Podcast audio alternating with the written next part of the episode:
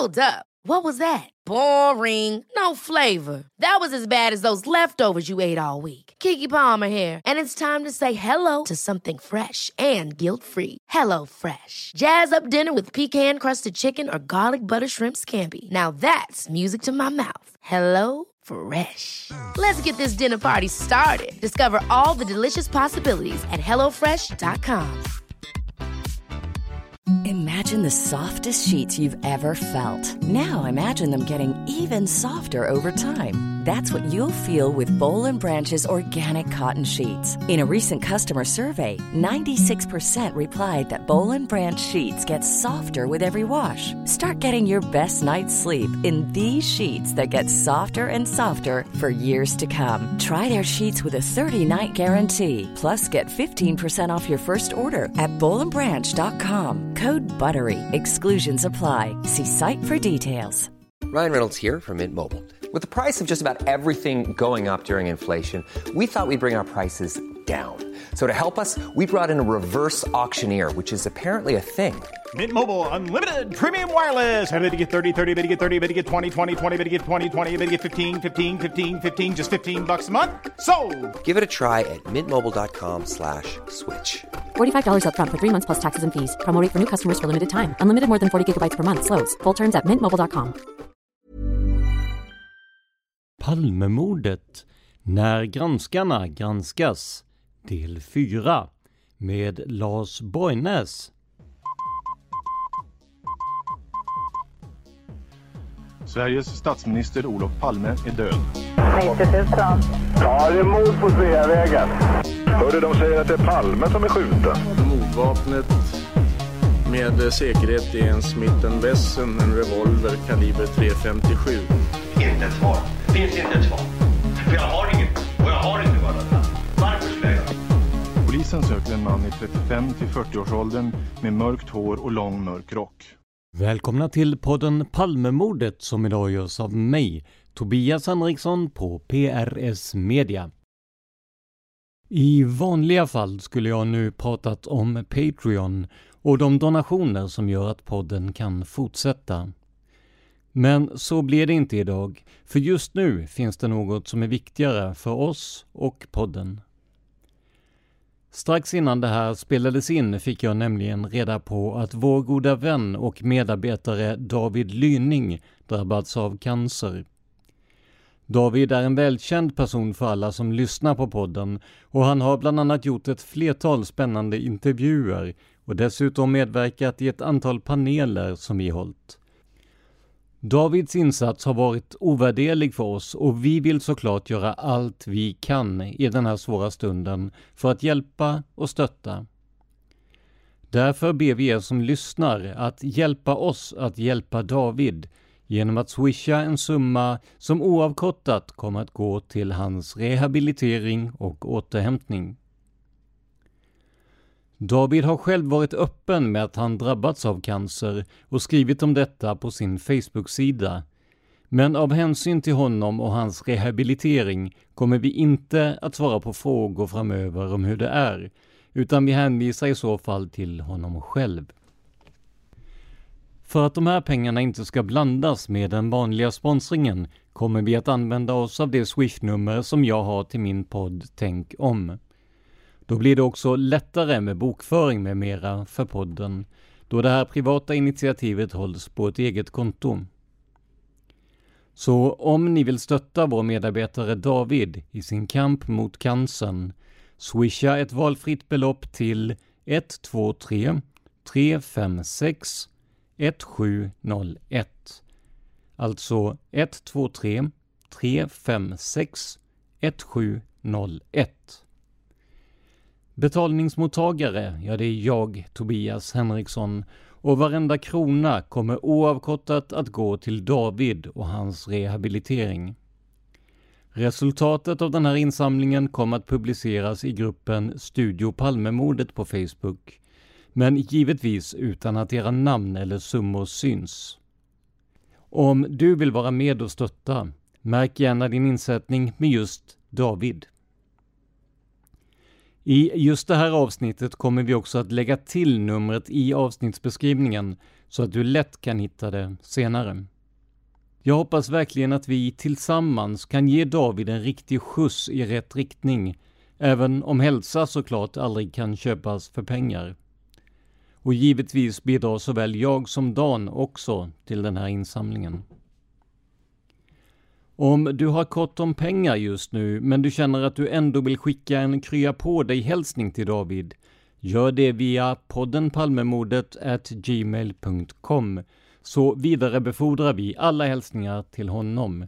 Det är alltså podden Palmemordet i ett ord gmail.com. Tusen tack för ert stöd. Idag har vi med oss journalisten och författaren Lars Borgnäs i podden med tanken att han ska få svara på den kritik som våra tidigare gäster riktade mot bland annat honom. Hur är det egentligen med det som Wallander och Karlsson kallar för konspirationsteorier? Fick Borgnäs och Bresky okritiskt breda ut sig om Palmemordet, som våra tidigare gäster påstår? Det här och mycket mer ska vi titta på i dagens avsnitt. Men precis som i avsnittet med Gunnar Wall började jag med att fråga Lars hur han reagerade på den kritik som framkommit. Ja, jag kan ju först säga att jag tycker i och för sig att det är bra att, att man eh, synar hur vi som har varit aktiva i, i och, eh, granska Palmeutredningen, hur vi har agerat och, och våra metoder och, och, så vidare. Så det, det, tycker jag är utmärkt att det blir en diskussion. Det har varit alldeles för lite av det tidigare genom åren.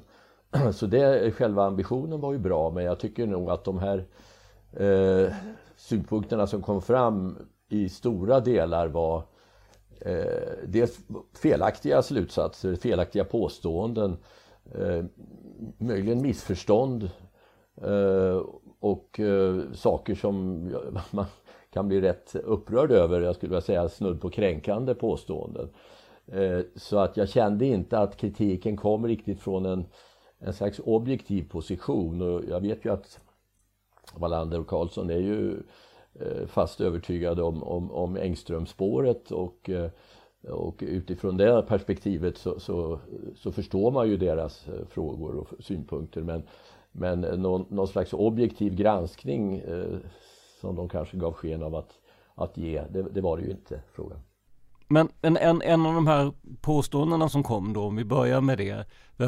Eh, våra gäster började med att prata just om vad en konspirationsteori är och sen eh, ville man då applicera det på, på dig, att du skulle vara en eh, konspirationsteoretiker som, eh, ja, men som inte vill se en ensam gärningsman eh, som en lösning. Hur, hur eh, ja vad säger du om det?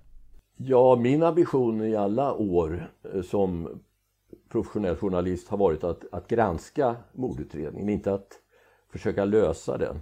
Eh, alltså min, mitt jobb har varit att, att se hur noga och hur bra som utredarna har, har gjort sitt jobb helt enkelt och hur de har följt upp olika spår och eh, om de har prövat olika hypoteser och motivbilder och ställa dem till svars för de brister eh, och luckor som, som jag upptäckt. Eh, Eftersom, som sagt, jag är inte mordutredare själv utan jag synar utredningen och pekar på dess brister. Det har varit ambitionen. Det kan missuppfattas naturligtvis som att jag har försökt lösa mordet. Eh, att jag själv trott att lösningen finns i, i de här spåren som jag har lyft fram som outredda. Men så har det inte varit utan eh, det har varit en, en, eh, ska man säga, en journalistisk kvalitetskontroll. En granskning på grundval av den del av materialet som varit tillgängligt för mig. Det är ju inte allt men en, en del. Okej, okay, är jag konspirativ? Nej, men man, jag har varit medveten om, och det måste man ju vara, att det, det, eh, det som ser ut som en persons verk på gatan, det, det, kan vara ett verk av flera personer. Den andra delen av det är att, att jag inte har granskat ensamma tänkbara gärningsmän eh, i lika hög grad som, som tips om konspirationer. Och de säger då till exempel det borde ha dykt upp sånt som pekade på en ensamagerande gärningsman hos Borgnäs. Varför har han inte lyft upp det? Och svaret på det är att eh, när jag har fått tips om enstaka utpekade gärningsmän, det kan vara han som har gjort det, han har haft ett vapen, han liknar fantombilden och så vidare. så har jag sagt till tipsaren att eh, vänd dig till utredningen. Det är de som ska utreda, det är de som ska titta på det här. De, de som ska göra förhör, eh, göra alibikontroller och så vidare. Det är inte mitt jobb. Eh, och sen beläggs ju det arbetet, om de har, har vänt sig till utredarna, med, med förundersökningssekretess. Så jag har ju ingen möjlighet då att gå in och se på sådana tips, eh, hur noga det har gjorts. Så att det är ju en, en eh, förklaring till att jag inte har eh, att jag inte har lyft upp Eh, enstaka tips om enstaka personer. Sen finns det också en annan sak och det är som är viktigt. Och det är att jag har utgått från och, och, tycker att det är styrkt att det har varit svårare för utredarna att ta sig an tips om grupper och konspiration än om en ensam gärningsman. Särskilt kan man säga att det gäller för vissa miljöer som jag därför har, har synat då som eh, polisspåret som ju handlar om eh, deras egna kollegor så att säga som skulle vara inblandade. Eh, politiska mord är en miljö som, som de inte har erfarenhet av och som också är, man kan anta att de haft svårare att, att göra grundligt.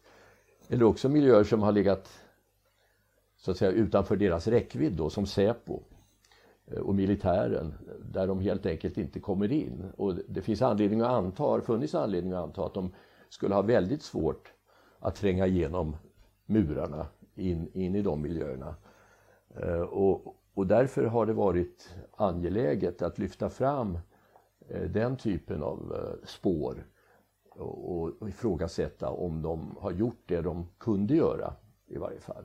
För att, att undersöka de här sakerna eh, har ju, ja men som sagt, våra gäster vill ju nämna det som konspirationsteori, men vad, alltså, vad ser du det som? Det är undersökande journalistik som du, som du ser det som eller? Absolut, absolut. Det är precis det, det är vad det handlar om. Att, eh, att eh, utifrån fakta, tillgängliga fakta, eh, syna myndighetens arbete. Eh, och eh, det har varit min ambition hela tiden. Det, sen naturligtvis, om vi tar det här med, med konspirativa tankarna eller konspiration i beteckningen att det är flera inblandade personer. Eh, det finns ju ingen, i, i början ingen anledning att anta att det är mindre troligt att det är fler inblandade än att det är en person inblandad. Men min övertygelse har ju varit att det har varit möjligt och kanske till och med troligt att mordet planerades och utfördes av personer just från sådana här miljöer. Och det kan vi återkomma till för, för att eh, det handlar ju också om vem som var offret och vilken var situationen och så vidare. Men, men det här just med att ja, man använder sig av begreppet konspirationsteoretiker, är det, är det lite för lätt att slänga sig med det, att det blir ett förklenande omdöme snarare än att man försöker se varför någon ser till en större ja, men konspiration eller ett större antal an, användare, eller vad heter det?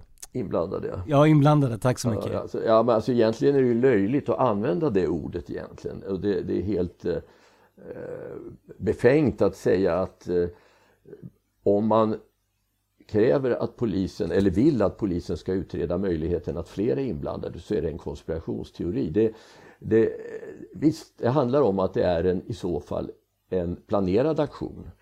Man kan kalla det till och med för en sammansvärjning. Men ta till exempel gängmorden nu som förekommer lite överallt i, i, i, runt om i Sverige där polisen eh, utgår från att eh, morden är planerade inom ett gäng, det vill säga av en grupp personer, men man söker den som har utfört mordet. Är det konspirationsteoretiskt av polisen då att gå in och undersöka de här gängen? Nej, naturligtvis inte. Det är själv, själv jo, men det, det är det, var kommer uttrycket ifrån, konspirationsteori? Jo, det är avsett att Eh, att eh, förklena eh, den här tanken eller att liksom ifrågasätta den här tanken att, att det kan vara fler inblandade i mordet på Olof Palme. Som jag säger igen, det är inte mindre sannolikt att det var fler inblandade i mordet än att det var bara en. Men ändå stämplar man en sån eh, faktiskt ganska förklenande eh, ett sånt begrepp på, på den eh, ansatsen. Och, och, det gör naturligtvis att många, väldigt många journalister inte minst, och, eh, eh, drar sig för att ens ifrågasätta polisens arbete. Eh, därför att börjar man tänka på att det kan vara flera inblandade så är man konspirationsteoretiker. Det har blivit som en, eh, ja, någon slags sjukdom kan man säga. Att, att eh, anklaga varandra för det bara för att man eh, ställer i, i som möjligt en, en mer komplicerad verklighet, en mer komplicerad förklaring till mordet. Det betyder inte att jag menar att en konspiration är mer sannolik än en, en ensam gärningsman. Det är inte så, men den är inte heller mindre sannolik. Eh, och, och, vi vet ju då att det var ju bara en person på platsen som sköt, även om Lisbeth Palme talade om två ursprungligen. Men att det bara var en person bevisar ju absolut ingenting. Och eh, man måste ju titta på vad var, som jag sa förut, vad var situationen? För det första, vem var offret? Olof Palme, en högprofilerad politiker med oerhört starka fiender både i Sverige och utomlands. Väldigt resurs, resursstarka eh, fiender med, med, mycket starkt motiv att, att vilja ha bort honom. Eh, det fanns också enskilda människor som hade starkt motiv att, att döda Palme men det fanns också grupper med väldigt stora resurser. Eh, fientliga, fientliga grupper. Eh, och då är det ju alldeles självklart att man ska också utreda dem även om det som sagt är svårare kan vara svårare än att, att undersöka enskilda personer. Det har ju sagts många gånger att den här belöningen på 50, det sa framförallt de första 10-20 åren, att den här belöningen på 50 miljoner kronor eh, borde ju ha spräckt en konspiration.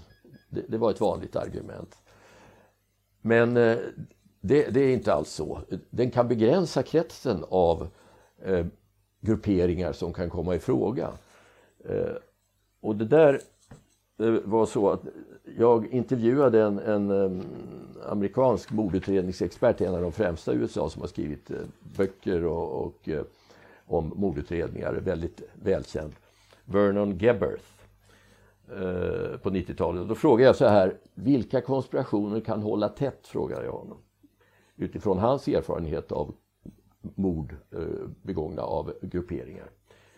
Då sa han politiska konspirationer eller agendakonspirationer. Eh, sa han. Om, om de anser sig ha en uppgift, alltså en, han kallar det för mission oriented. Om de är en grupp övertygade människor kommer de att hålla tyst. Och då sa jag så här, jaha, i åratal. För evigt, sa Gebert. Även om det finns en belöning. En belöning påverkar inte människor som har en mission, en mission. De har en agenda, ett program i motsats till kriminella grupper, vanliga kriminella grupper som framförallt vill ha snabba pengar. Och eh, det där skriver jag om i min bok En iskall vind drog genom Sverige och det där är väldigt viktigt. Eh, det faktum att eh, mordet inte har löst trots belöning kan tyda antingen på att det är en ensam gärningsman som då inte naturligtvis kan ange sig själv eller att det är den typen av gruppering som inte spräcks av belöningen där sammanhanget är större än, än antalet kronor man får ut av det om vi säger så? Antingen det eller att det är oerhörd lojalitet. Antingen att man har en mission, en agenda eller att man har den här lojaliteten att, eller eh, helt enkelt man är hindrade från att läcka om man säger så. Det kan vara en kombination av det. Och då är du inne på sådana här miljöer som exempelvis militären, Säpo, eh, kanske vissa poliskretsar. Eh, även om det är möjligt att de skulle ha svårare att hålla tätt eh, än, än just Säkerhetspolisen och militären. A lot can happen in three years, like a chatbot may be your new best friend. But what won't change? Needing health insurance. United Healthcare Tri Term Medical Plans, underwritten by Golden Rule Insurance Company, offer flexible, budget friendly coverage that lasts nearly three years in some states. Learn more at uh1.com. If you're looking for plump lips that last, you need to know about Juvederm Lip Fillers. With Juvederm Volbella XC and Juvederm Ultra XC, your lip look, whether it's subtle or bold, can last up to one full year with optimal treatment and no additional maintenance. Find a licensed specialist and see if it's right for you at Juvederm.com today. That's J U V E D E R M.com. Add fullness to lips in adults over 21 with Juvederm Volbella XC or Juvederm Ultra XC. Do not use if you have severe allergies or a history of severe allergic reactions, or if you're allergic to lidocaine or the proteins used in Juvederm. Tell your doctor if you have a history of scarring or taking medicines that decrease the body's immune response or that can prolong bleeding. Common side effects include injection site redness, swelling, pain, tenderness, firmness, lumps, bumps, bruising, discoloration, or itching. As with all fillers, there's a rare risk of unintentional injection into a blood vessel, which can cause vision abnormalities, blindness, stroke, temporary scabs, or scarring. For full important safety information, visit juvederm.com. Cool fact a crocodile can't stick out its tongue. Also, you can get health insurance for a month or just under a year in some states. United Healthcare short term insurance plans, underwritten by Golden Rule Insurance Company, offer flexible, budget friendly coverage for you. Learn more at uh1.com. Eh, Jag måste bara skjuta in en sak när vi pratade konspirationsteorier där, för att om man kan styrka delar av det som andra kallar konspirationsteorier, då faller ju ordet teori så att säga. Då är det ju en, någon form av, av konspiration, vilket vi har exempel på i, i både Sverige och utomlands genom historien här ju. Och, och eh, jag tänker ju på eh, när du gjorde reportage om eh, Estonia och att det ska ha smugglats militär utrustning där. Och då var ju det till en början en, en, en ja men någonting som kanske kändes som en konspirationsteori och sen blev det ju bekräftat av den här tulltjänstemannen bland annat då Lennart Henriksson som eh, ja men som sa att det hade ju eh, gått ombord bilar med militär utrustning. Men då faller ju det här teori, då är det ju en eh, i, i någon mån inte en konspirationsteori längre utan då är det ju bevisat och kanske då en konspiration istället.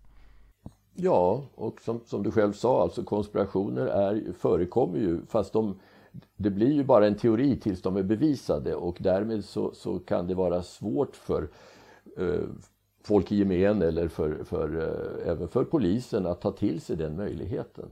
Att, att det kan vara på det sättet, mer komplicerade sättet. Jag, jag brukar prata om det här, ett mycket känt fall i, i Belgien. Eh, den, belgiska socialistledaren André Kohls som mördades 1991, fem år efter Palme, mördades han på ett likartat sätt. Han sköts på öppen gata. Eh, och eh, han var alltså ledare för Socialistpartiet, en hög politiker. Också en parallell med Palme, sköts ihjäl. Och det, I början så kom det ett tips att det var en konspiration men ingenting hände. Polisen eh, gjorde inte tillräckligt med det. Det tog tio år innan man lyckades lösa det hela. Och då visade det sig att det var en sammansvärjning kan man säga av eh, folk runt en rival, en politisk rival till Kohls inom socialistpartiet som hade lejt två tunisiska yrkesmördare att mörda Kohls. Och sammanlagt, ja, de dömdes till 20 års fängelse när man grep dem och eh, ytterligare sex personer som arbetat med Kohls Eh, rival, alltså den som hade initierat mordet, blev, fick fängelsestraff. Det var alltså en konspiration, eh, en politisk konspiration kan vi säga. Där, och det som ledde till att man löste det, det är också intressant, det var att Kohls son tryckte på väldigt hårt under de här åren som gick för att polisen skulle ta sig an det här på ett mer seriöst sätt och syna alla möjligheter. Så det var ett tryck ifrån familjen som gjorde att polisen lyckades lösa det här mordet som visade sig vara en, en konspiration. Något som då av en del anses vara osannolikt när det gäller Olof Palme. Och, och, och det är ju helt... Eh, det är väldigt konstigt att man ska tycka det med, med, med hänsyn just till Palmes eh, engagemang i, i, i väldigt många krishärdar och med, med, fiender som jag sa i, i väldigt starka kretsar. Både i Sverige och, och utomlands. Så jag tänker Palmeutredningen borde kanske ha talat med de här belgiska utredarna och sett hur de gick vidare på tanken om en konspiration för att till slut kunna lösa det. Ja, för här har vi ju den motsatta situationen. Här har inte familjen legat på i Palmeutredningen utan kanske framförallt Lisbeth har ju snarare hållit, hållit tillbaka om man säger. Eh, så att där, där, har man ju inte den påtryckningen heller som du sa om, om det här belgiska då utan ja. Nej, man kan ju säga, man kan ju säga att tvärtom har familjen eh, säkert utifrån från sin horisont goda grunder eh, bidragit till att man inte har eh, utrett konspiration eftersom man varit så nöjda med de enstaka gärningsmännen som har pekats ut. Först Christer Pettersson som eh, man trodde på i, i ett 20-tal år faktiskt, även om, eh, trots att han var frikänd. Och som det mycket byggde just på Lisbeth Palmes utpekande och familjen var övertygad om att det var så.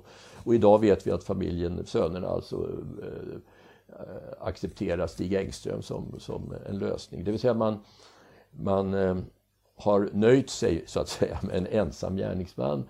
Och i den miljön har det ju inte varit äh, Eh, så lätt för polisen heller att, att ta sig an de här svårare alternativen. Och vi vet ju att i långa perioder så var det så att det uttalat var så att man inte utredde konspirationer på 90-talet utan man gick helt in för ensamma gärningsmän. Eh, och nu visar det sig att de här två, Christer Pettersson och som jag anser även Stig Engström, eh, är väldigt dåliga kandidater till att, att ha skjutit Olof Palme. Men till det här bidrar också att, att det inte har funnits något politiskt tryck från, eh, på polisen och utredarna, tror jag någonsin, att, att eh, gå in på de här svårare alternativen i form av en svensk gruppering. Alltså man har ju varit med på att PKK skulle utredas. Eh, det var ju ofarligt så att säga ur svensk synpunkt. Men då, då, ska man komma ihåg vad Ingvar Carlsson sa till uh, Ulf Adelsson, moderatledaren, några dagar efter mordet enligt vad Adelsson har skrivit i sina memoarer. Uh, när Ingvar Carlsson ringde upp Adelsson och, och, sa så här, jag ska citera det, han sa så här. När nu, detta hade, när nu detta hänt hade det varit bättre om det varit en enstaka vettvilling. Men det verkar vara mycket väl planerat lång tid i förväg. Det är ett tecken på att det finns en grupp som inte drar sig för något för att skada det svenska samhället. Det är i så fall mycket allvarligt. Det hade alltså varit bättre, menar Ingvar Carlsson, med en ensam gärningsman. Bättre för Sverige.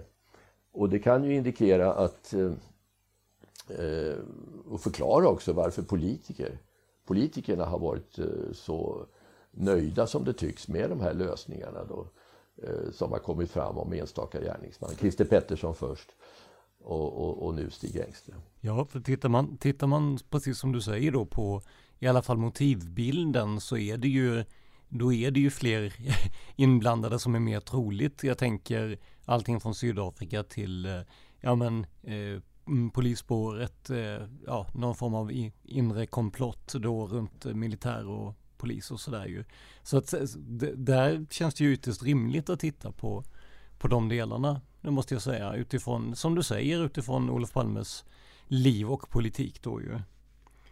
Ja, det, och, precis. Och de här, eh, jag har ju från början sett, trott och även sett att det var riktigt att utredarna har haft har varit dåliga på att syna uppgifter som pekar in i, i de här miljöerna. Polisen, Säkerhetspolisen, eh, militären. Och eh, om, om då eh, Wallander och Karlsson menar att jag är konspirativ, har varit konspirativt lagd för att jag har haft den uppfattningen att det var viktigt att utreda de kretsarna. Då får de också räkna som konspirationsteoretiker eh, Arne Irvell. Arne Irvell som alltså kriminalkommissarie som var chef för Stockholmspolisens mordrotel vid tiden för mordet och löst, hade löst en mängd, hundratals mordfall. Eh, legendarisk mordutredare. Så han, han, avgick kort efter mordet, eh, gick i pension.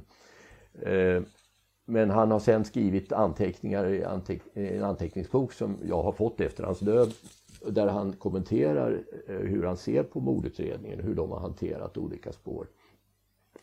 Och eh, tvärt faktiskt vad som framställdes i den här Netflix-serien eh, som handlar om Engström där ju Irvel framställs som att i första avsnittet som att han eh, fastnade för Engström som möjlig gärningsman och sen eh, var, var, var eh, liksom som det tycktes övertygad om att han var inblandad. Det var inte alls så. Irvell trodde inte överhuvudtaget på, på Engströms inblandning. Det har eh, hans son berättat för mig också att han, han såg Engström som en kuf bara som, som eh, ville göra sig märkvärdig. Det, det Irvell trodde på det var ju att Säpo var inblandat. Och eh, det var vad hans eh, slutsatser leder till som, som eh, han skriver om i sina, sina anteckningar som man då alltså inte vill ge offentlighet åt. Det kan man ju också förstå. Det var ju väldigt kontroversiellt. Eh, men han resonerar ju både om Säpos eh, starka motiv, deras resurser, eh, deras förmåga att bli, förbli outredda. Skyddade från utredning och också deras förmåga att lägga ut villospår. Han säger ju att det är möjligt att PKK-spåret var ett villospår utlagt av, av Säpo. Och eh, Ajvel, eh, han skriver i sina anteckningar också om att han vid ett tillfälle 89 gick till palmutredningen och, och, och sa till dem att, eh, att han trodde att Säpo kunde vara inblandat och han frågade om han skulle träffa dem och, eh, och de verkade intresserade, sa, skriver han då i sina anteckningar. Men, men sen eh, återkommer de inte och då ringer han upp igen och då är de helt ointresserade, helt kalla till det. Och eh, då skriver han i sina anteckningar att, eh, att det kan vara så att eh, han fick alltså inget svar från utredarna och då säger han så här. Vilken slutsats kan dras av det föregående? Antingen betraktades tipset som absurt och galet och man ville vara hänsynsfull mot en gammal kollega. Eller var tipset för närgånget för vissa intressen som med alla medel söker undvika undersökningar som kommer i närheten av sanningen. Palmegruppen har fått vissa direktiv. Håll allt som snuddar vid SÄP, skriver han, Säpo, borta från utredningen. Alltså Irvel misstänkte, han såg möjligheten att polisen inte eh, vågade eller kunde utreda spår som pekar in mot Säpo. Och det säger alltså en mycket erfaren eh, mordutredare. Han är ju ingen konspirationsteoretiker naturligtvis utan han, han bedömer det som möjligt utifrån sin, sin erfarenhet. Så eh, jag, tror, jag, jag tvivlar väl på att, att Wallander och Karlsson skulle ha, ha vilja sätta in Arne Irvell som konspirationsteoretiker. Det, det, skulle vara väldigt överraskande om det gjorde det. Och den här eh, historien med Arne Irvell och sådär, visst är det i Olof Palmes sista steg eh, som du eh, skriver en, en hel del om det? Precis, jag skriver om de här antecknings, den anteckningsboken som jag fick överta då efter hans död och där han faktiskt ganska mycket i detalj beskriver eh, vad han bygger sina misstankar mot Säpo på. Eh, och eh, hur han har landat i den slutsatsen.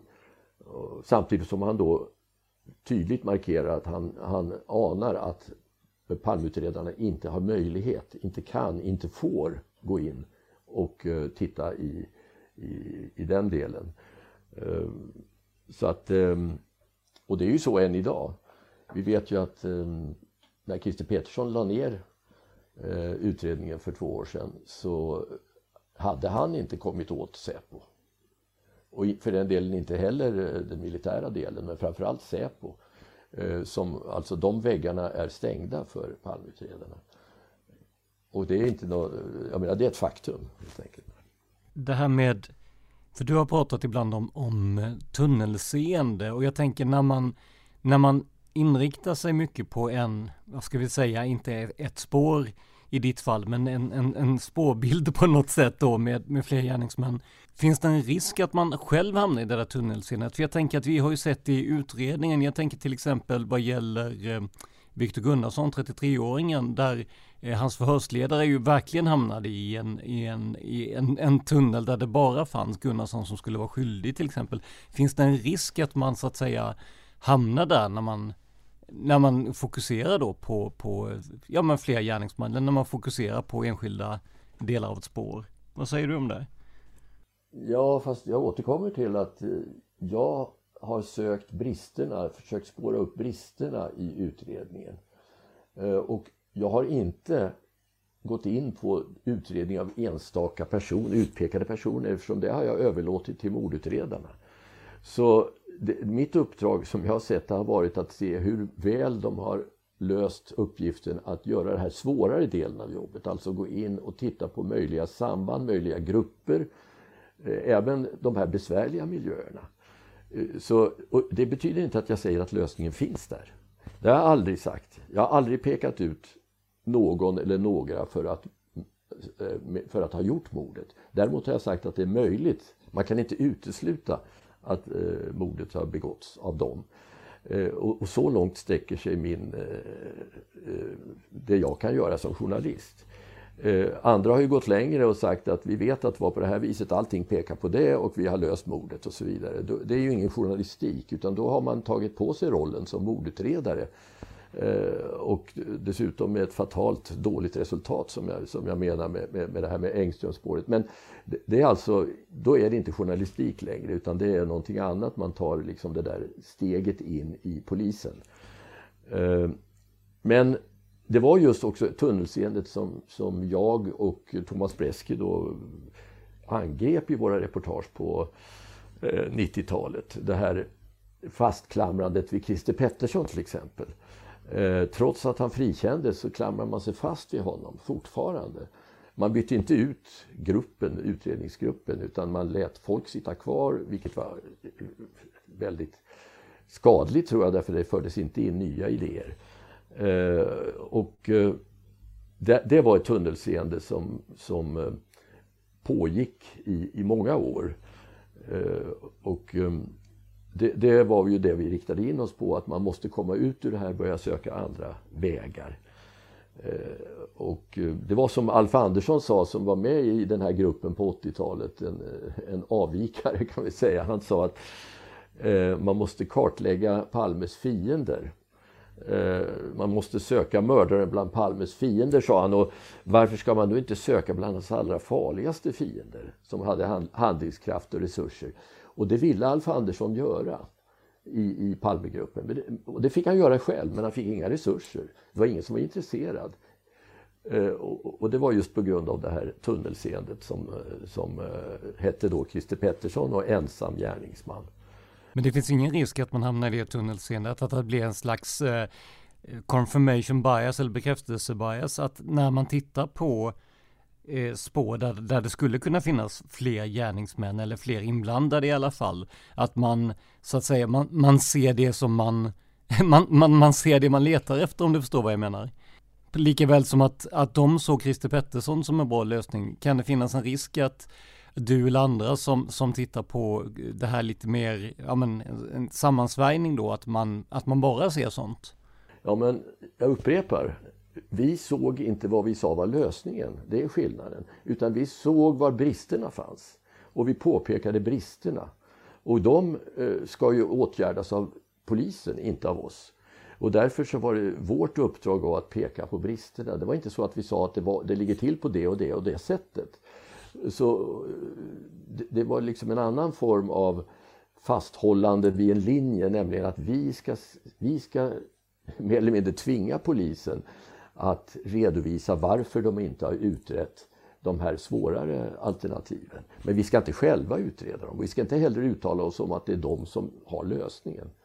Så att eh, jag tycker nog det, det är lite skillnad Eh, att tala om tunnelseende i det fallet tycker jag nog inte stämmer. Det, det, det var vårt journalistiska uppdrag faktiskt. Att, eh, och det visade sig också eh, att Palmeutredningen hade stora luckor i sitt arbete.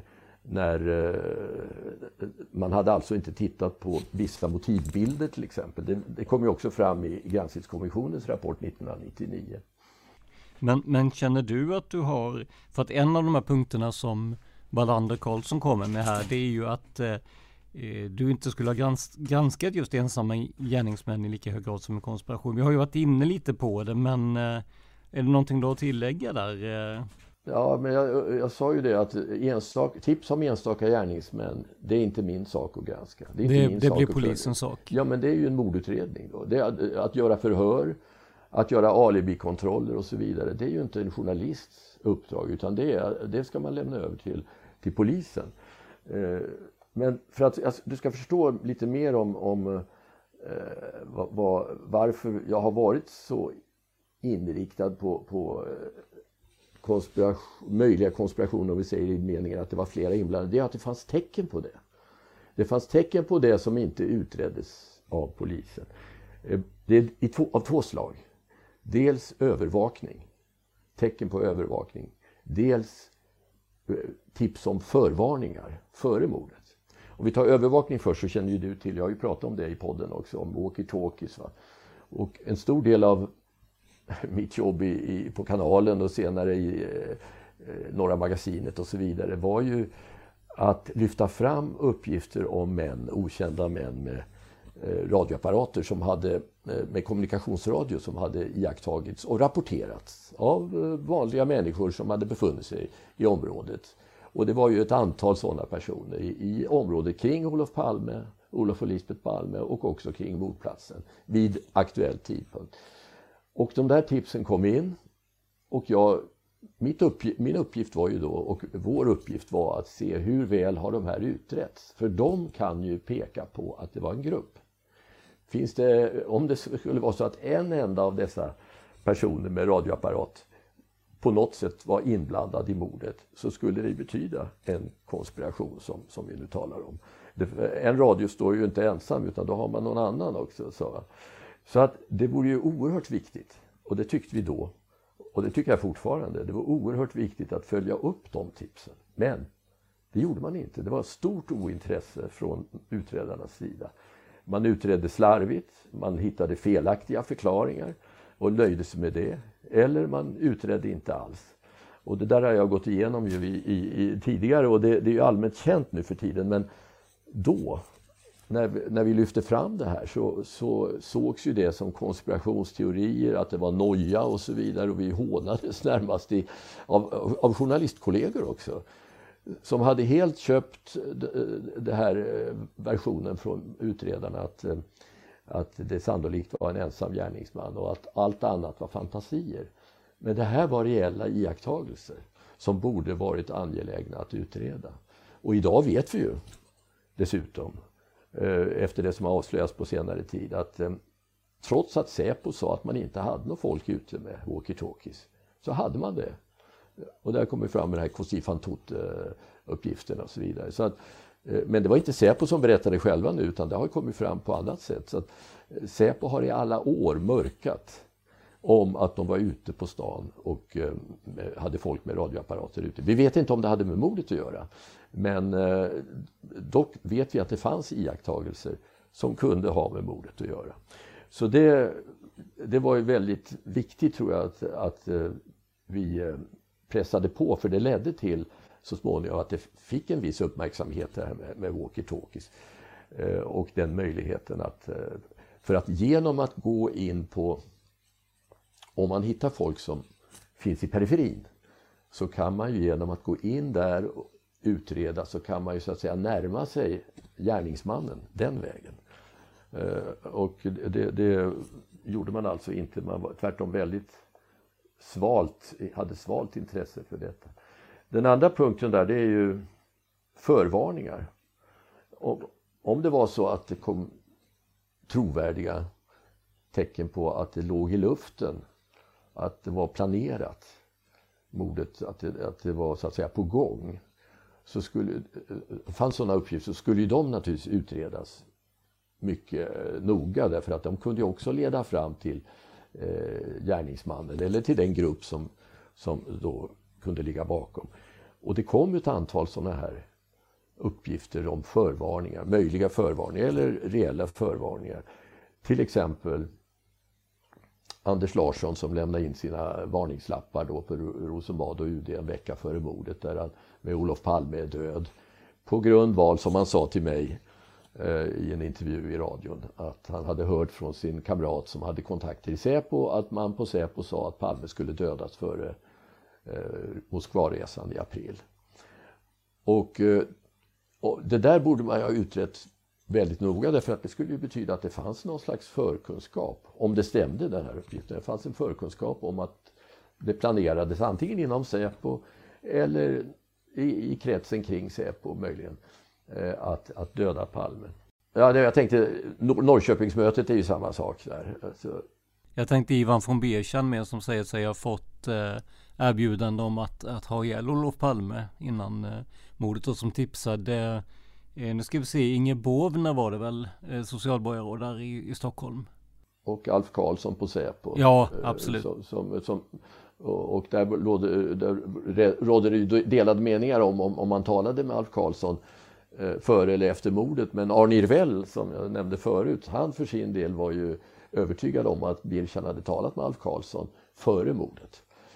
Men att det inte ledde till någonting men det här Norrköpingsmötet är också väldigt intressant för där sitter alltså ett antal poliser och militärer några veckor före mordet och diskuterar hur Palme ska, eller att Palme eller hur Palme ska tas bort i anslutning eller före mötet, eller eh, resan till Moskva i april.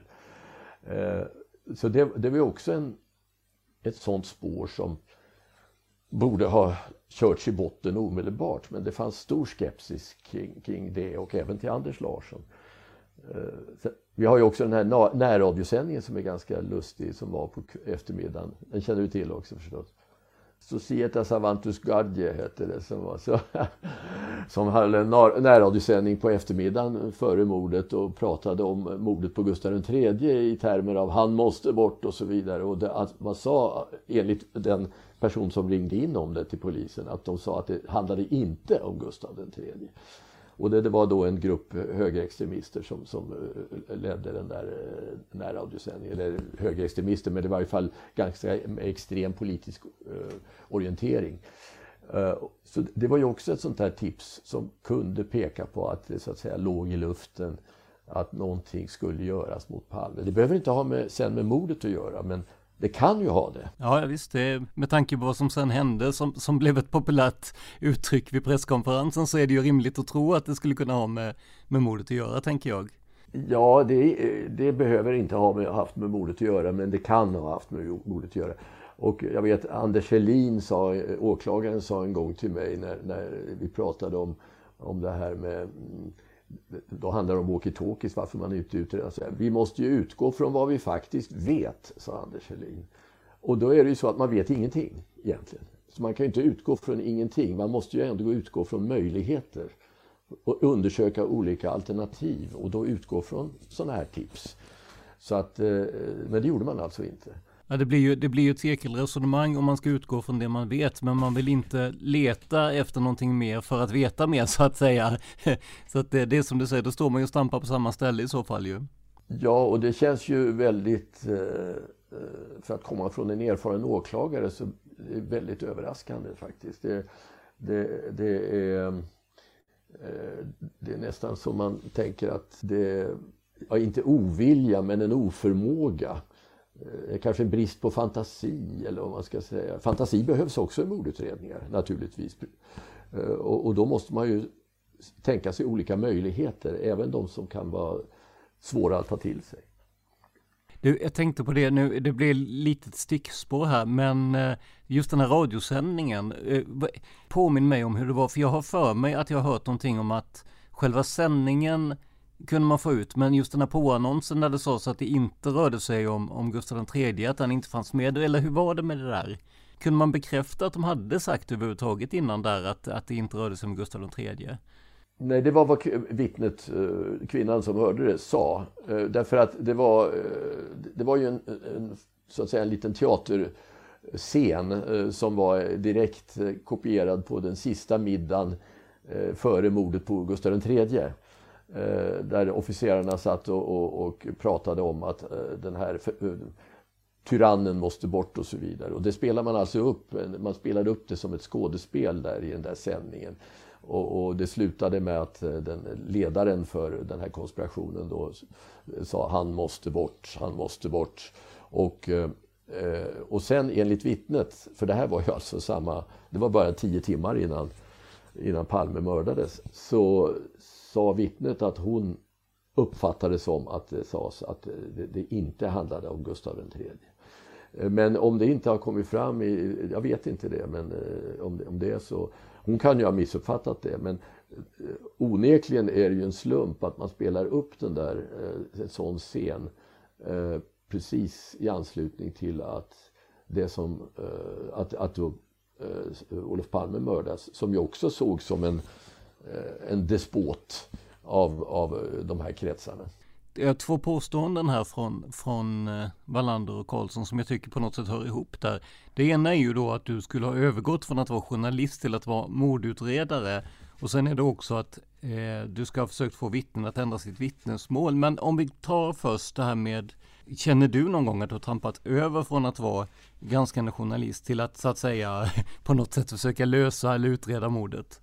Nej, jag har aldrig haft ambitionen att, att lösa mordet därför det, det är inte min roll helt enkelt. Utan jag tycker nog att jag har hållit mig, nu talar jag i egen sak och försvarar mig själv naturligtvis, men att jag har uppfattat det så att jag har riktat mig till utredarna och synat eh, eh, hur väl de har gått vidare på, på olika uppgifter.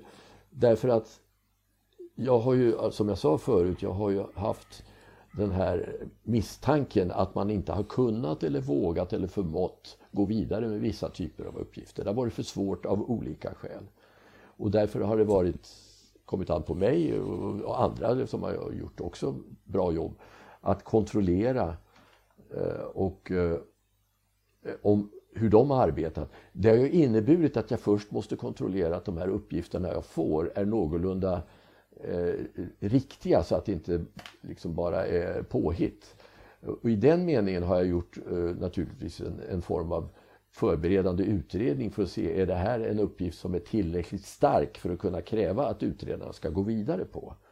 Eh, men det kallar jag inte för mordutredning utan det kallar jag för vanlig journalistisk faktakontroll.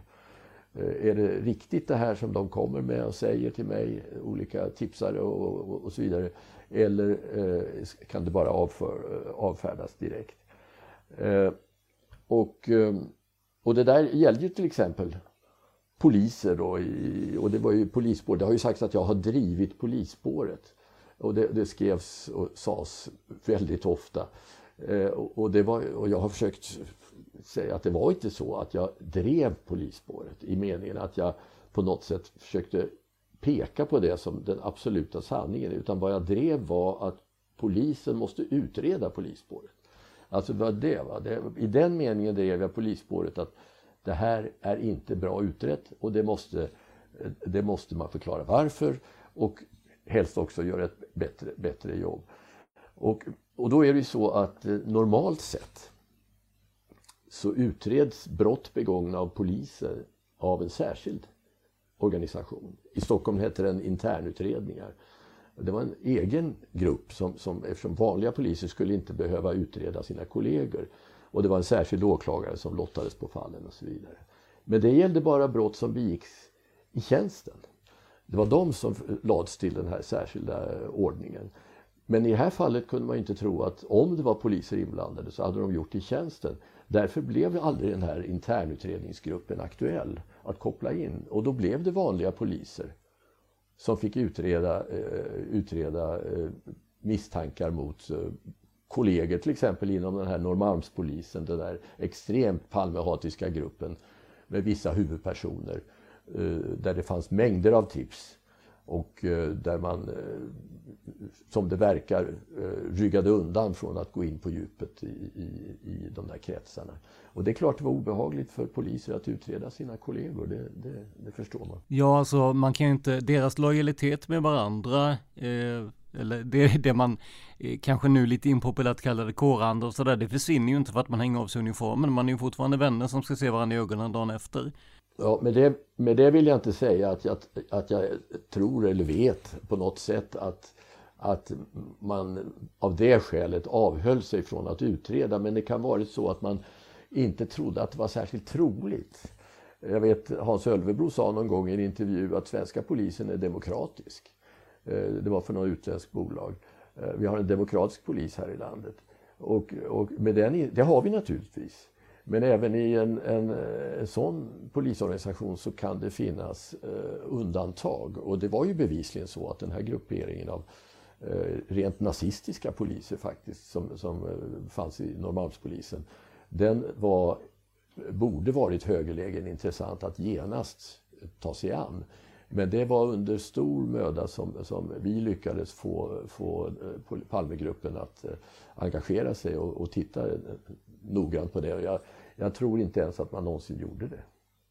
Nej, men hade man, jag kan ju känna att även om inte reglerna föreskrev då att det skulle tillsättas en, en specialgrupp eller specialutredare för just poliser, så hade man ju kunnat undvika en del, eh, vad ska vi säga, möjliga problem genom att tillsätta eh, den här gruppen då för att utreda poliser. Då hade man ju sluppit problemet att kollegor skulle utreda varandra. Inte för att det behöver finnas någon konspiration i det på något sätt, men man hade undvikit att folk hade börjat överhuvudtaget diskutera det tänker jag. Men att vara lite, lite proaktiv i det kanske. Absolut, absolut. Men ändå blev det alltså när, när vi gjorde de här reportagen som var, pågick under många år eh, omkring det som kallas polisspåret då, så, så blev det ju så att jag blev stämplad som att jag drev polisspåret. Och, och eh, som sagt, det, att, därmed att jag var alltså konspiratorisk och så. Men återigen, det var det journalistiska uppdraget att detta, ett av de svåraste områdena för polisen, Palmeutredarna, att utreda. Att syna om de hade gjort det och om de inte hade gjort det fråga sig varför. Och, och sen försöka verka för att det blev eh, att de här luckorna blev tilltäppta av, av utredningen genom att det skapades uppmärksamhet kring det. det, det det är journalistik, det är inte mordutredning. Det är ju så att mediernas bevakning av Palmemordet genom åren, om jag ska säga något om det, det är ett väldigt sorgligt kapitel faktiskt. Eh, de stora Stockholmstidningarna till exempel har aldrig satsat på en eh, rejäl gedigen granskning kritisk av Palmeutredningen. Eh, och de, trots sina stora resurser. Eh, TV gjorde det inte innan eh, Thomas Bresky och jag satte igång med det. Eh, och i radio var jag väldigt ensam faktiskt. Inte helt ensam, för det gjordes på andra håll också. Men när jag gjorde mina kanalen-program så, så, så, var det inte så många andra som, som gjorde den typen av genomlysningar. Därför blev det ju också, då, då ställer sig Wallander och Karlsson frågan, varför blev du aldrig synad i sömmarna det du gjorde på den tiden? Du har ju fått fri fil så att säga för att göra dina reportage och de har aldrig blivit granskade.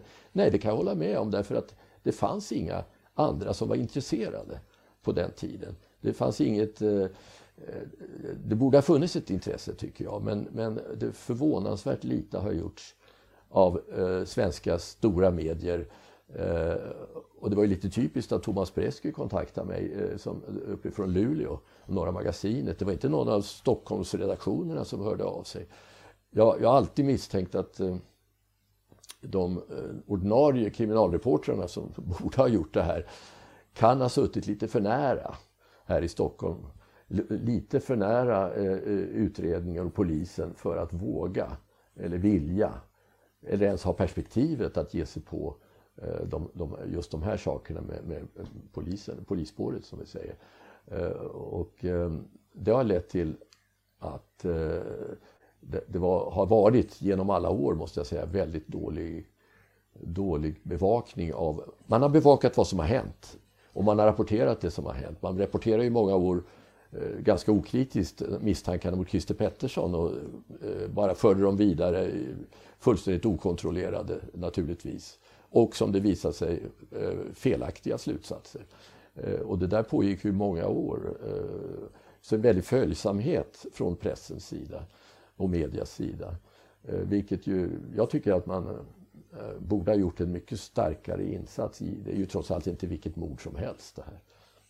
Och någonstans där på, det måste ju ha varit på 90-talet, man hade ju två journalistiska ytterligheter på något sätt. För du och Thomas Bresky gjorde ju väldigt många eh, ja, men, djuplodande program om ja, men bland annat det här med polisbåtar och att det skulle kunna vara ja, men fler inblandade. Under tiden då eller i alla fall i samma tidsanda på något sätt så sitter man i TV3 och eh, eh, använder sig väldigt mycket då av Christer Pettersson och försöker ja men jag vet inte. Det känns som att man försöker få honom att säga lite mer än vad han egentligen kan stå för om om sin eh, sin eh, medverkan, eventuella medverkan då. Så att det är, nej, det är verkligen ytterligheter där känner jag. Det, jag kan inte säga att det var fel att eh, granska Pettersson-spåret. Det, det, det, jag tycker att det var befogat av TV3 då att, att granska det. Men, men Eh, Eh, och de gjorde ju också det här lögndetektortestet med Christer Pettersson som var ganska intressant faktiskt. Han blev ju frikänd där i det lögndetektortestet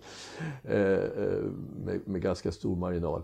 Eh, men den där oberoende granskningen av att se vad har polisen inte gjort. Det är ju det som vi har ägnat oss åt. Eh, det har nästan inte förekommit alls eh, i medierna. Och det, det, jag tror ut, i utlandet, om det hade varit i USA eller Tyskland eller så, så, hade man då hade det varit någon stor tidning eller några stora medier som hade gjort ordentliga insatser för att syna mordutredningen i, i grunden. Eh, men det har inte skett här. Jag vill bara skjuta in då att eh, i Min sanning i SVT så säger Robert Aschberg att den här eh, personen som utförde eh, lögndetektortestet på Christer Pettersson, Odo Undorch jag för mig han hette, eh, hade en, en eh, track record, han hade ett, eh, eh, ja men Eh, han var känd för att han, att han så att säga friade mer än han fällde. Men det är ju bara uppgifter från Robert Aschberg, så jag vet inte hur mycket man ska, hur mycket man ska gå på det. Så att Aschberg menar att man valde honom för att det skulle bli bra tv då. Eh, det kan vara värt att skjuta in bara.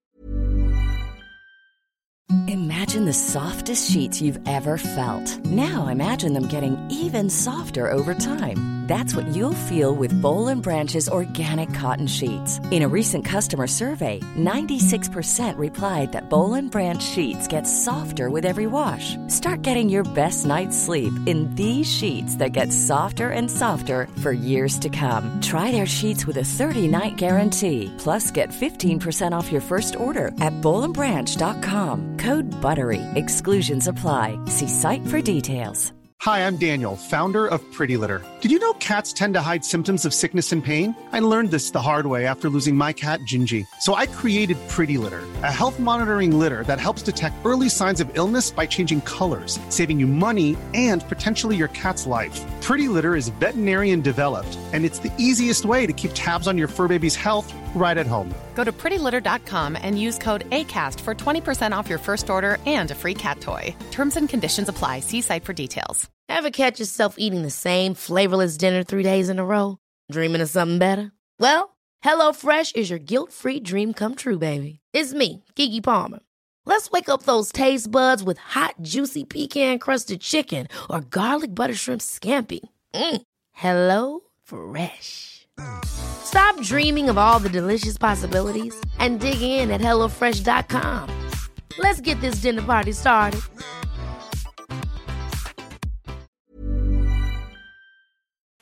Ja, om det stämmer så är det ju beklagligt, det måste man säga. Men, men det sades ju ingenting om vid den tiden. Så att, eh, men, men, men, finns det belägg för det så är, då är det ju intressant på den punkten. Sen tror jag överhuvudtaget inte att Pettersson är skyldig naturligtvis. Men, men, men eh, det var ju trist om, om, det, om det var en sån manipulation av, av, av det testet. Ja, man, man, man menar att när man sen gjorde ett, ett lögndetektortest på, eller Robert Aschberg sa att när man sen gjorde ett lögndetektortest på, var det Sigge Cedergren som fick genomgå ett också? Kan det ha varit det? Så valde man en som hade direkt motsatta då, som, som fällde då för att man skulle sätta tvivel om, om huruvida Sigge hade försett Pettersson med, med vapen och så. Men som sagt, Ja, det kallar, jag, det kallar jag dålig journalistik måste jag säga. Och det här kan vi betona också, det här är någonting som Robert Aschberg har sagt bara för några år sedan i, i Min sanning i SVT. Så att vad som är ja, vad som är så att säga efterkonstruktion och vad som är sant det vet vi inte. Men det var värt att lägga till i alla fall. Ja visst, men du nämnde förut, jag vill gärna få med det medan vi kan, att, att jag skulle, vilket de påstår Wallander och Karlsson, att jag skulle försökt få vittnen att ändra sina vittnesmål och också lyckas med det. Och det är ju en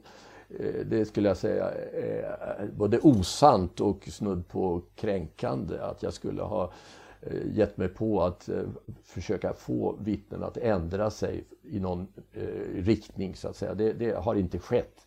Och det exempel de drar fram är Lars, vad kallar vi honom? Lars J. Lars J kan vi säga. Ja, just det. och det var ju det att för några år sedan, och det har jag skrivit om i i min sista bok, den här med Olof Palmes sista steg, att eh, eh, jag granskade vad han egentligen sagt, eh, Lars J. Vad har han egentligen sett? Vad har han egentligen sagt? För det, eh, man har antagit att han såg gärningsmannen springa upp för trapporna till åsen. Eh, men då när jag pratade med honom, jag träffade honom många gånger under åren, så, eh, så, så, har han sagt att han såg inte mordet, han såg inte vem som sköt, men han såg den här mannen som kom springande bakom baracken och upp för trapporna. Och då har jag tittat på förhören, ja han säger inte att han, att han har sett gärningsmannen skjuta, så han vet inte. Han vet inte att det är gärningsmannen som kommer springande, men han antar det. Eftersom han hör skotten och sen hör han ganska snart efter springande steg bakom barackerna och sen ser han mannen springa. Och i den situationen är det ett rimligt antagande? Absolut, och det var, jag förstår, de flesta skulle säkert ha gjort det antagandet. Och, och, eh, så det, det är fullt begripligt. Men vad har han faktiskt sett? Så jag diskuterade det med honom. Och sa, eh, du har inte sett gärningsmannen, det var, det var uppenbart, men kan, kan det vara så att du såg en annan person än en gärningsman? Ja, det kunde han inte neka till och det har han aldrig kunnat neka till, men frågan har inte ställts.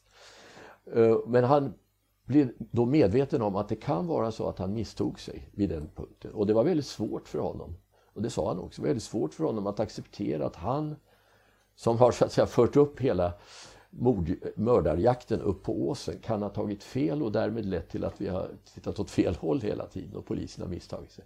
Så det var väldigt svårt att, att acceptera det för honom men han insåg att det kan vara så. Han är inte övertygad om det, men det kan vara så. Det är en möjlighet. Va? Och då betyder det ju, om man lägger ihop det med en annan omständighet så, så tycker jag det blir väldigt tydligt att han troligen misstog sig när han, såg, eh, när han trodde gärningsmannen sprang upp. Och det är den här skillnaden mellan hur gärningsmannen beskrevs vid mordplatsen och hur eh, den här springande mannen beskrevs i trapporna och senare av Yvonne Endo på David Bagare. Det är stora skillnader där.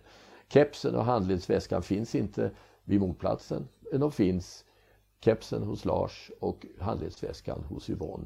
Det är ett annat sätt att springa Eh, på, på den mannen som springer upp för trapporna. Och mannen, gärningsmannen vid mordplatsen beskrivs inte alls på det sättet. Han, beskrivs ju, han, han, har ju en mössa, stickad mössa på sig, det finns starka uppgifter på det. Han beskrivs med, eh, som yngre, eh, även om det var svårt att uppfatta eh, åldern. Men, men sammantaget så beskrivs han som en yngre person än, än Stig Engström. Så jag menar att Stig Engström kan ha varit den person som sprang upp för trapporna, men det var inte han som sköt. Ändå var det den grunden som Christer Petersson hade för sitt utpekande av Engström och att han la ner utredningen. Att han förutsatte att det var samma person. Och det finns inget stöd för att förutsätta det. Tvärtom finns det starka tecken på att det var olika personer, menar jag.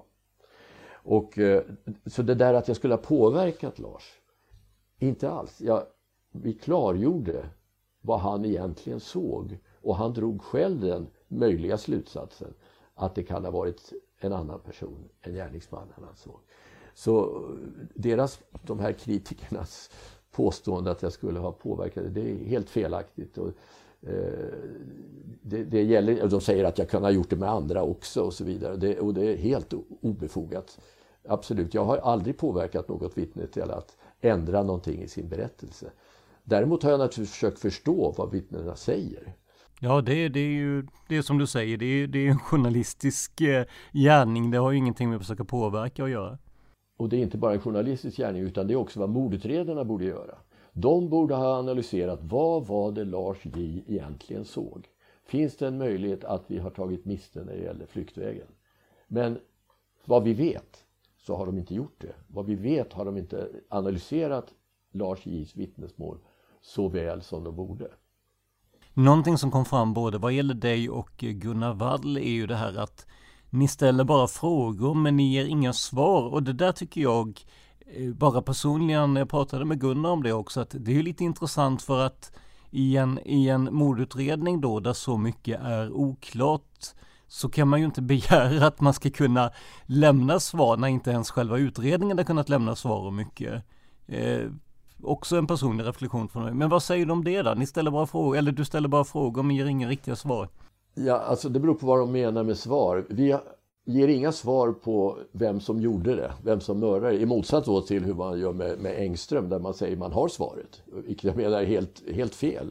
Och, och det kan, ingen journalist kan komma och säga att han har svaret för man har inte alla fakta i målet. Det, det, det Eh, så det, det kan vara journalistiskt fullt motiverat att bara ställa frågor, att inte ha svaren. Nämligen när det gäller varför har ni inte utrett det? Varför har ni inte tittat på det? Varför har ni inte synat den motivbilden?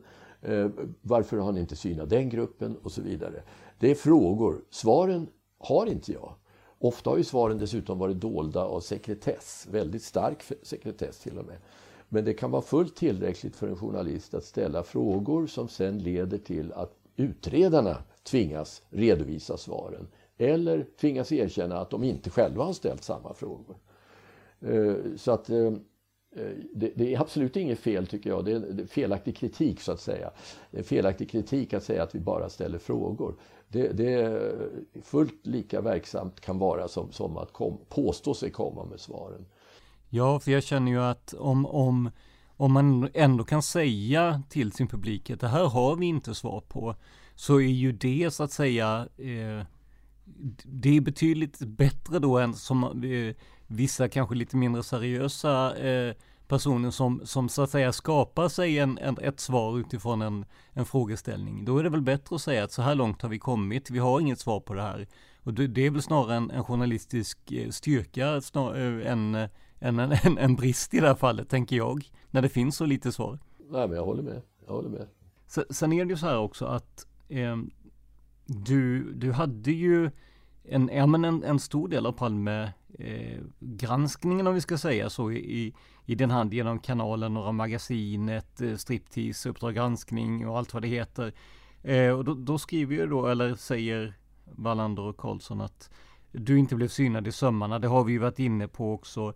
Sen säger de att eh, de här programmen arbetar med känslor som förstärker spänningen och budskapet. Hur, eh, hur ser du på det?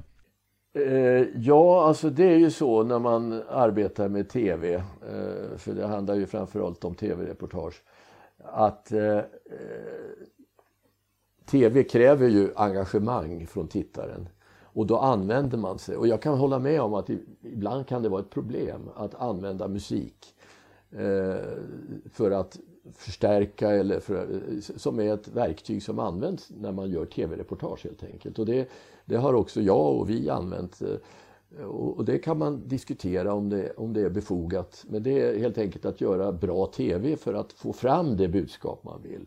Det innebär ju inte att man ändrar någonting, att det blir mer oseriöst budskapet eller att det blir mer osant. Utan är det ett sant budskap byggt på konstaterade fakta då, då, då kan det ju inte skada så mycket om man förstärker det med musik. Men, men det, är, det är inte helt lätt. Det, det, det, kanske vore bättre egentligen att man skulle ha det helt naket. Och, eh, men då kan man ju se till exempel den Netflix-serien som ju då visserligen är fiktion och uttalad fiktion men ingen kan tro annat än att det är en riktad anklagelse mot Stig Engström och påstående om hans skuld. Eh, och där man arbetar väldigt mycket med känslor och dramatik och så vidare. Eh, och dessutom förvränger verkligheten. Där, de som är ansvariga för det tycker jag borde eh, ha, ha ställt sig frågan om man, eh, om man i sånt allvarligt sammanhang, om en sån allvarlig anklagelse i programmet dessutom ska använda dramaturgiska medel eh, för att förstärka budskapet och därmed förstärka tron att det var Engström som gjorde mordet. Jag tycker det var eh, eländigt faktiskt att se det. Och det, det så, så, där var det ju ett missbruk av, av medlen.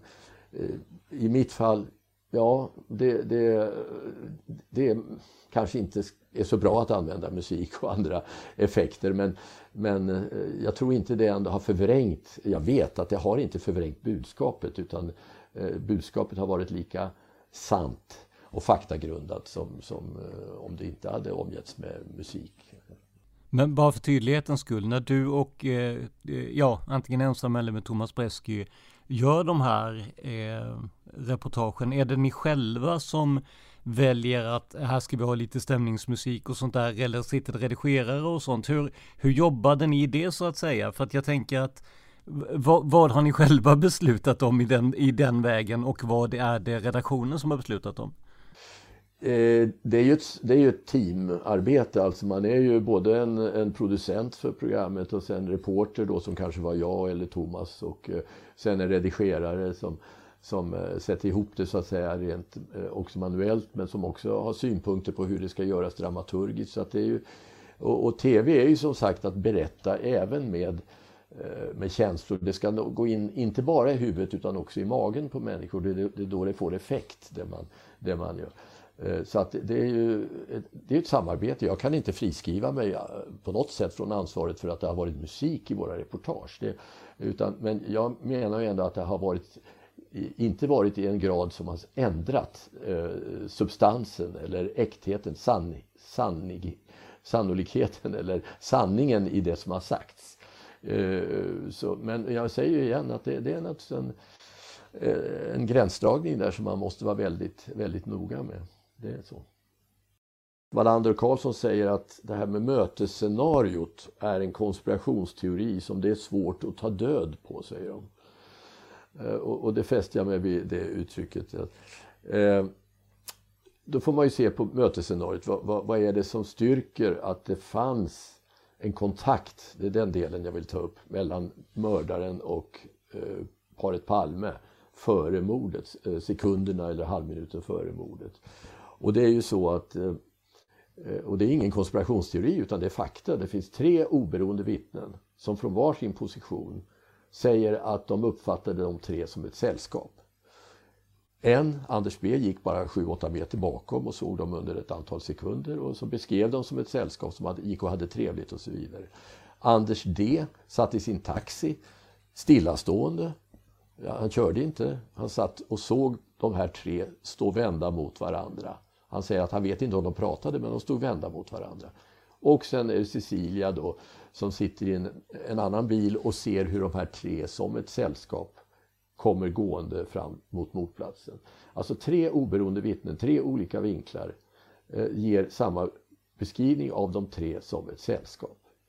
Eh, och så är det Lisbeth Palme som säger nej, det var ingen kontakt. Och då, då säger eh, Wallander och Karlsson, de, de tre kanske tog fel för att det var mörkt och de tog miste och så vidare. Ja, det, det, så kan man ju alltid vifta bort.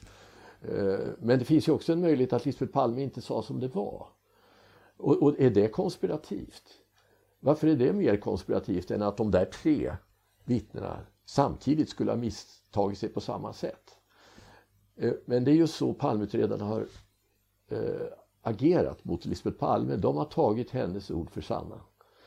Och, och inte haft förmågan faktiskt att lyfta sig ovanför det hela och i så fall ställa hennes uppgift mot de andra. Kanske konfrontera henne med deras uppgifter. Eh, och så, på det viset, om vi tar den delen av mötesscenariot, där tycker jag det finns... Det är inte alls konspirativt att eh, vilja eh, ifrågasätta polisens attityd till de här vittnesmålen. Utan det är ju bara faktagrundat. Man måste överväga från utredarens sida och pröva alla möjligheter, inklusive att Lisbeth Palme faktiskt inte ville berätta något om den här kontakten. Det får ju väldiga konsekvenser, men okej, okay, då, då, får, då får det ha det. Men där har inte utredarna kunnat eller vågat eller haft fantasi nog eller kraft nog eller vad, vad det nu är för någonting att eh, agera professionellt. Eh, och eh, de har värjt sig för den möjligheten helt enkelt om det är så fortfarande, de kan, ju inte, de kan ju inte veta med säkerhet att det inte var en grupp bakom mordet, att det inte var planerat. Det kan de inte känna till. Även om de eh, är övertygade om Engströms skull så kan de inte veta detta. Om det då finns starka tecken, som jag menar, att det, att det är en annan verklighet som råder, då väljer de att kalla det för en konspirationsteori för att bli av med det. Och det, det är ju, okej, okay, det kan väl de göra, men det, det ska inte mordutredarna göra. Och det ska inte riksåklagaren göra och, och, och rättssystemet utan i en rättsstat som Sverige. Vi kan inte lämna det här mordet eh, på det sättet som har gjorts. Man måste eh, utreda även sådana saker som är svårare för, för eh, Sverige än, än eh, den här ensamma gärningsmannen. Utan att vara rädda för att det är en konspirationsteori. Eh, alltså, som jag sa tidigare, konspirationer pågår hela tiden i, i, i den brottsliga verkligheten. Eh, och, det, där, eftersom det finns så mycket fortfarande som tyder på att det kan vara på det viset och det finns oöppnade dörrar, till exempel mot Säpo, så måste det måste göras innan vi kan lägga det här bakom oss. Eh, det, det, det är min syn på saken. Där tackar vi Lars Borgnäs för dagens avsnitt och konstaterar att ni som lyssnar tycks hålla med bland andra Lars och Gunnar Wall. För vår inkorg har fullkomligt exploderat av mejl som tar de som granskas i försvar. Och det här är vi såklart mycket tacksamma för, för vi vill ju göra program som ni gillar. Men samtidigt kan det finnas en poäng i att ta upp sådana här ämnen med, även om de kan tyckas skava lite. Och med det frågar jag som vanligt vad ni tycker om dagens avsnitt. Kommentera gärna i tråden i gruppen Studio Palmemordet på Facebook eller mejla oss på poddenpalmemordet gmail.com Alltså podden Palmemordet i ett ord gmail.com Glöm inte heller att du kan sponsra oss för att se till att vi kan göra ännu fler och ännu bättre avsnitt. Du hittar alla sätten till detta i avsnittsbeskrivningen. Det här var veckans avsnitt av podden Palmemordet som idag gjordes av mig, Tobias Henriksson på PRS Media.